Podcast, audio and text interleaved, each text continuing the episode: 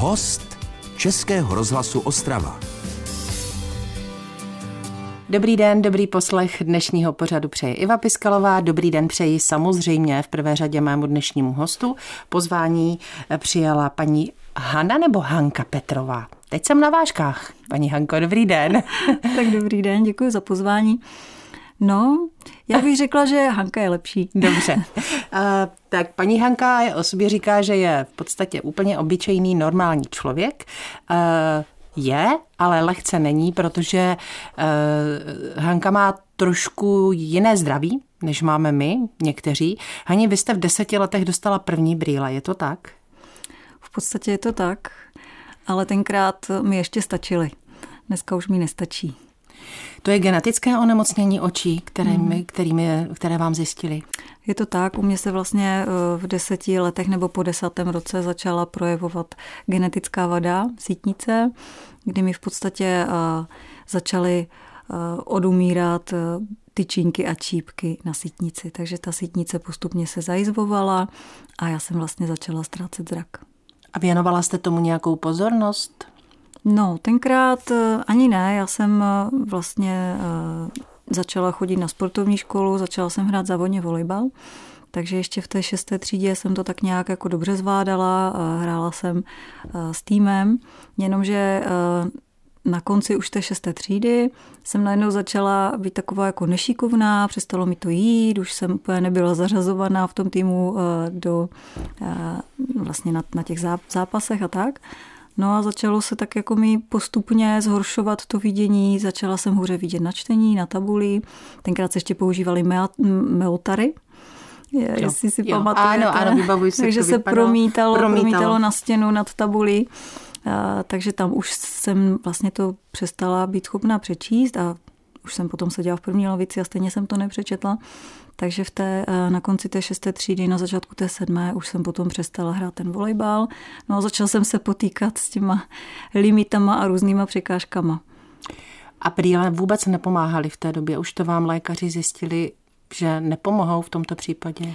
Na začátku uh, mi trošičku pomohly. Já jsem měla půl dioptrie, jednu dioptrii. Uh, já si myslím, že tu vadu oční dioptrickou bych měla i běžně protože můj otec měl i maminka nosili brýle, takže i bez té špatné sítnice bych možná nosila klasické brýle na tu dálku.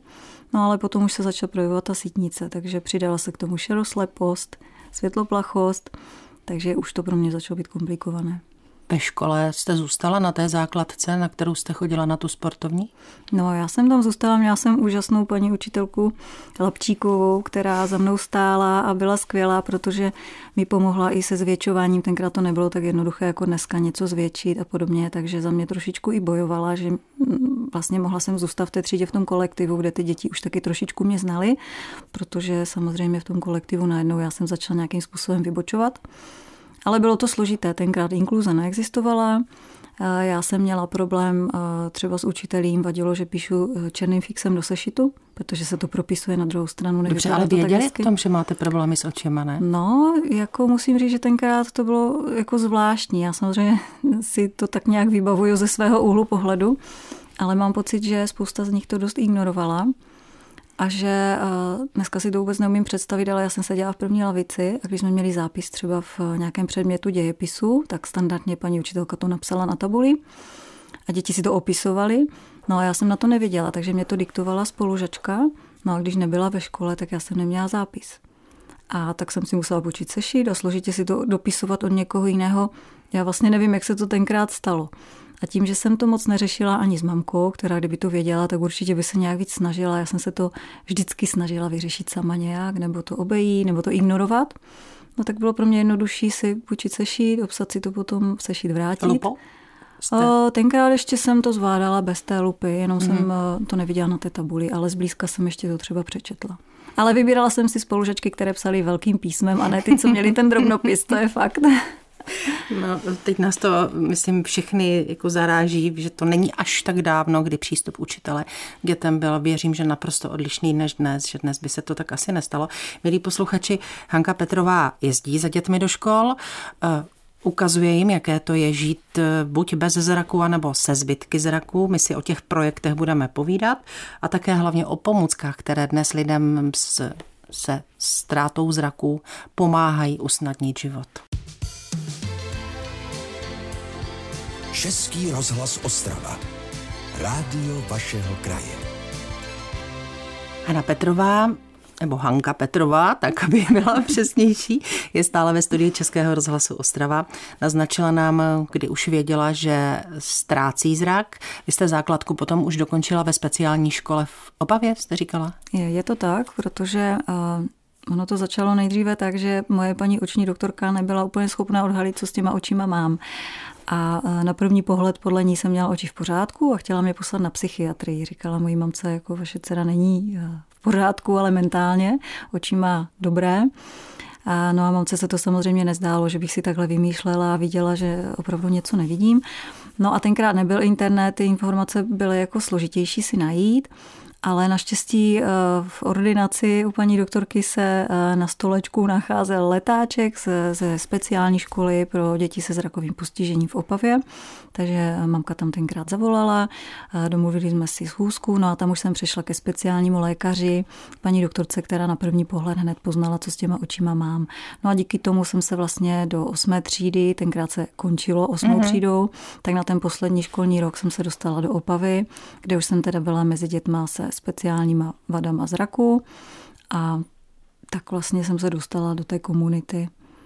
Střední školu tady jste už potom šla studovat pro e, lidi se zrak, s vadami zraku? Mm, je to tak, já jsem uh, měla dobré známky, já jsem byla taková ta šprtka, jak se říká, mě to bavilo od první třídy a taková poctivka. Měla jsem vždycky všechno perfektně nachystané, takže i ty známky jsem měla dobré a bavilo mě to se učit.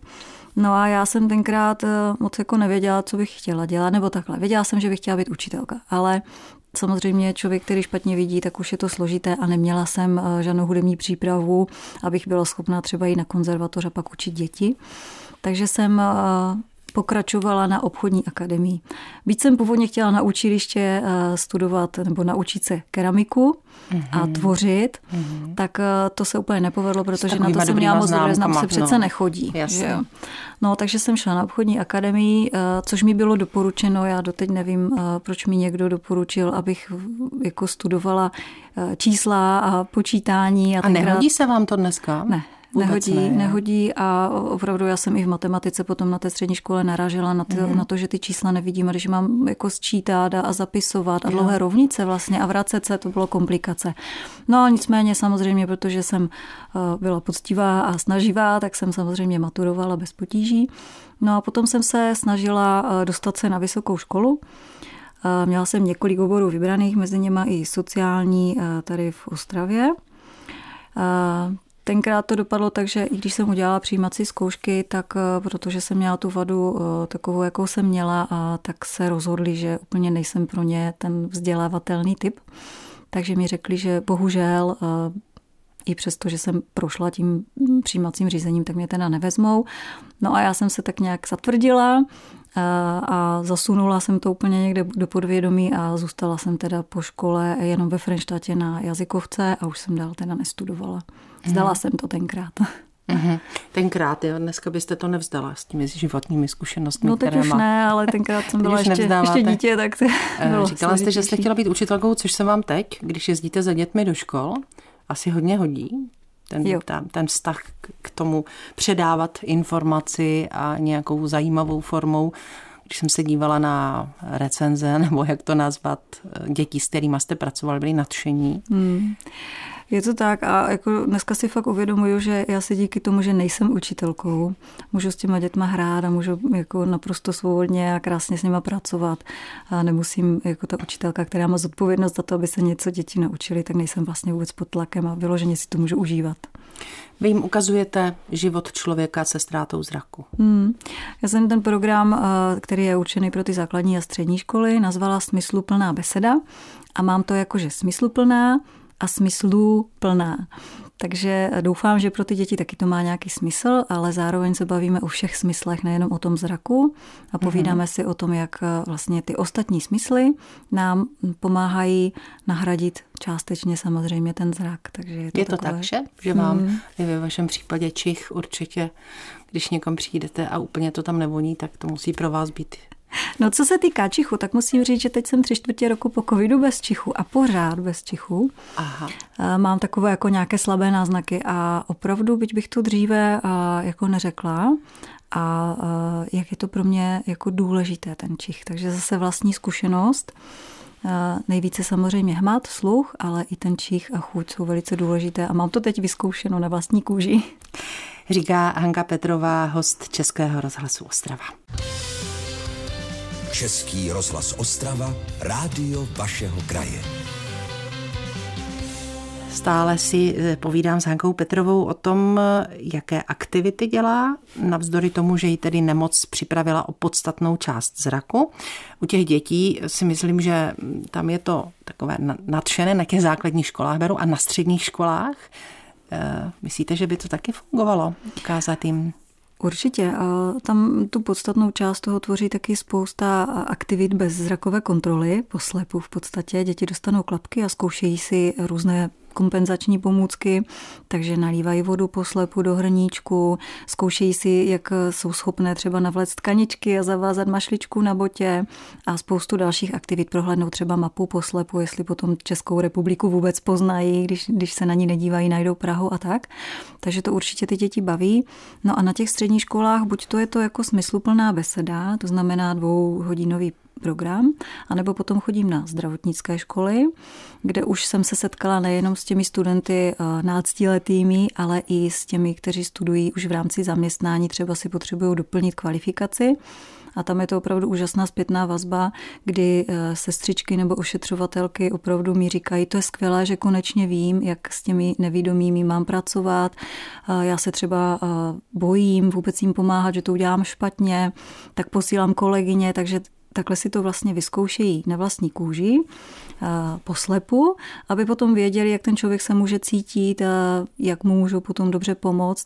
Takže tady mám pěknou zpětnou vazbu, že opravdu je to baví. Mm-hmm. A hlavně spoustu věcí tím, že opravdu od začátku, kdy já tam přicházím, jsou z velké části nevědomí sami, tak zjistí, jak i ty jejich smysly začnou fungovat v tu chvíli. Takže je to zajímavé. To znamená, že vy ty lidi dáte jim klapky na oči mm. hned od začátku, jo? Mm. Na začátku uh, ti studenti přijdou, uh, většinou se snažím tak, aby mě neviděli uh, a opravdu uh, dostanou klapky od před učitelů vstupem do, před vstupem jo, do třídy takhle. a opravdu na vlastní kůži si vyzkouší, jaké to je, když je někdo mm. vede, jaké to je vůbec si najít místo, posadit se.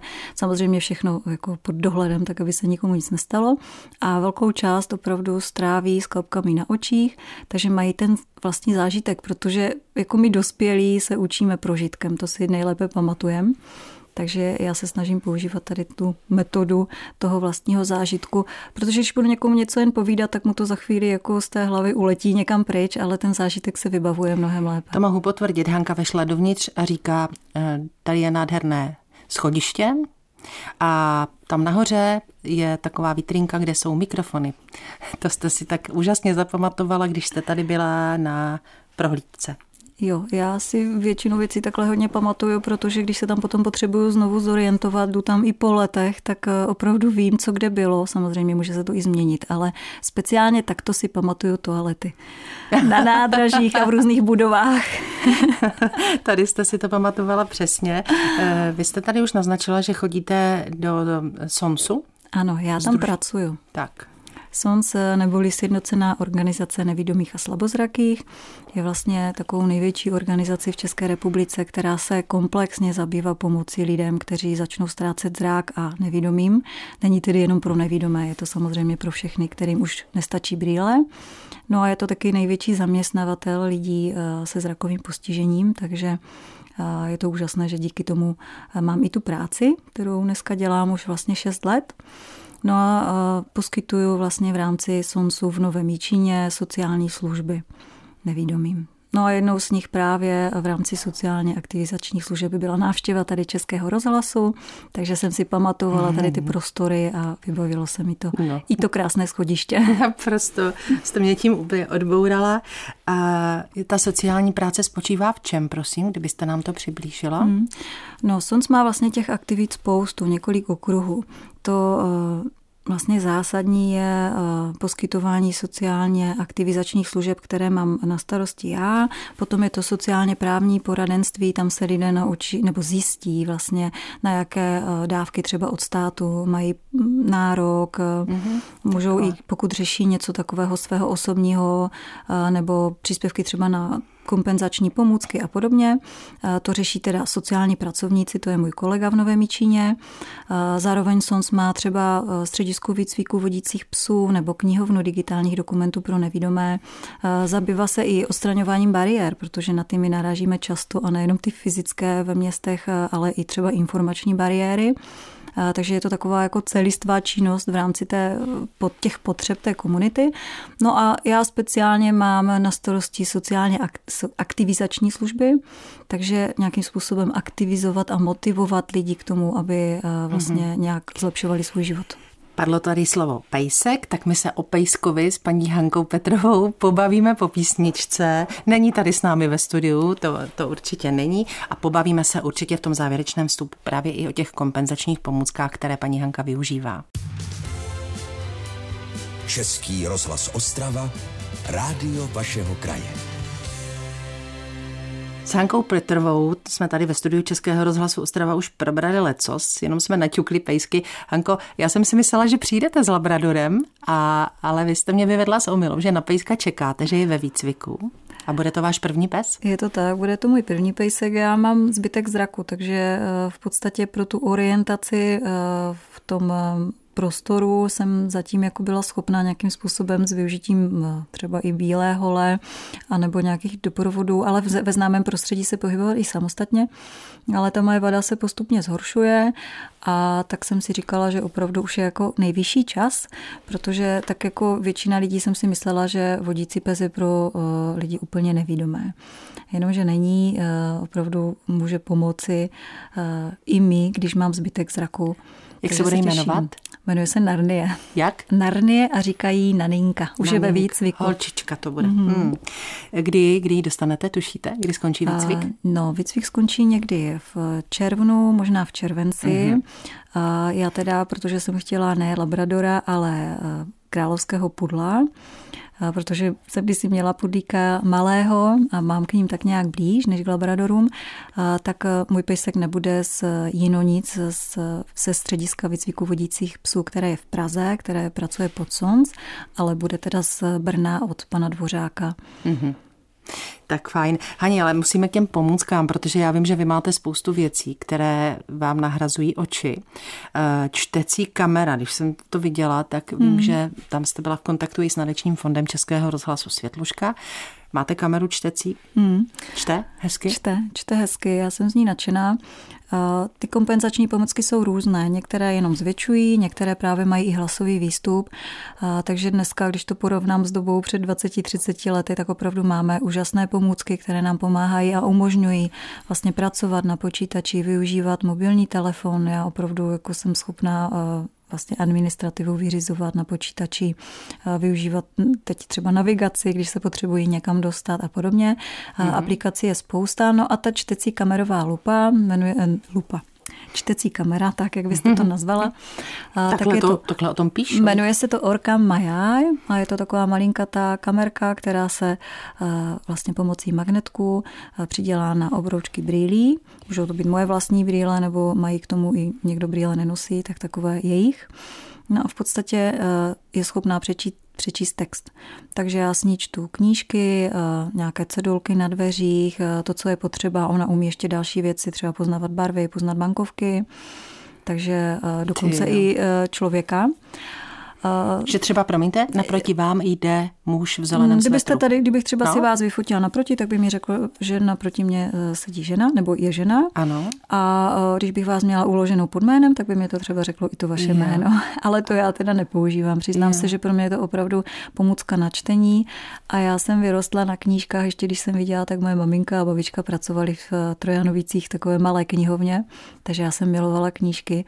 A byť samozřejmě máme i audioknihy, máme knížky v digitální podobě, kterou nám přečtou mobily nebo počítače, tak přesto ta vůně té knížky a vůbec mít tu knihu, možnost si přečíst jakoukoliv a třeba si půjčit od někoho, nebo já ráda chodím do knihovny pořád, tak je to takový velký dar. Těch pomůcek je spousta, knížky se dají naskenovat, nebo opravdu a, eh, a buď si můžu koupit audioknížku, nebo tak, jak někdo si do čtečky pořídí knížku, pak si ji čte, nebo v mobilu, mm-hmm. tak mě to tak ten mobil přečte. Takže dá se to nahradit. Eh, je to spíš pro takové ty knihomoly a, a lidi, kteří A máte na hrnečku takové to, kdy vám to hlásí, že už jste nahoře? No, upřímně mám prst. Protože to já mám zafixováno, když se potkávám. Je to tak, spousta lidí to tak jako eh, používá. Já ani nevím, jestli to vlastně všichni používají. Někteří jo, já to samozřejmě ukazuju, ale uh, jako upřímně tohle to já zrovna nepoužívám. Hanko, kdyby se chtěl s vámi někdo z posluchačů setkat nebo s, s, vás oslovit, že by potřeboval nebo chtěl, jde to nějak? Jste otevřená? Tak já jsem otevřená všemu. Já jsem takový komunikativní člověk, mám ráda nové nápady, eh, mám ráda různé aktivity, eh, ráda zkouším nové věci a hledám ty limity a tak nějaké překračuju, takže určitě eh, dá se přes moji webovou stránku www.hankapetrova.cz. Samozřejmě, kdyby někdo potřeboval jakoukoliv odbornou pomoc, tak není žádný problém najít si na internetu nejbližší hm, odbočku. Sjednocené organizace nevídomých a slabozrakých jsou ve všech velkých městech a v těch okresních mají taky odbočky. Takže pokud někdo třeba špatně vidí a potřeba by eh, pomoct, tak eh, na internetu ty informace jsou, takže Určitě, ale víte, jak je to vždycky ta eh, sdílená, nebo to, to sdílení s člověkem, který je ve stejné situaci jako já, tak je vždycky mnohem, mnohem lepší. Tak já vám moc děkuji, paní Hanko, že jste si našla prostor a čas a přijela jste za námi do studia Českého rozhlasu v Ostravě. Věřím, milí posluchači, že to pro vás bylo stejně příjemné povídání jako pro mě. Iva Piskalová se loučí nejen s Hankou Petrovou, ale i s vámi. Naschledanou. Já taky děkuji, naschledanou. Český rozhlas Ostrava. Rádio vašeho kraje.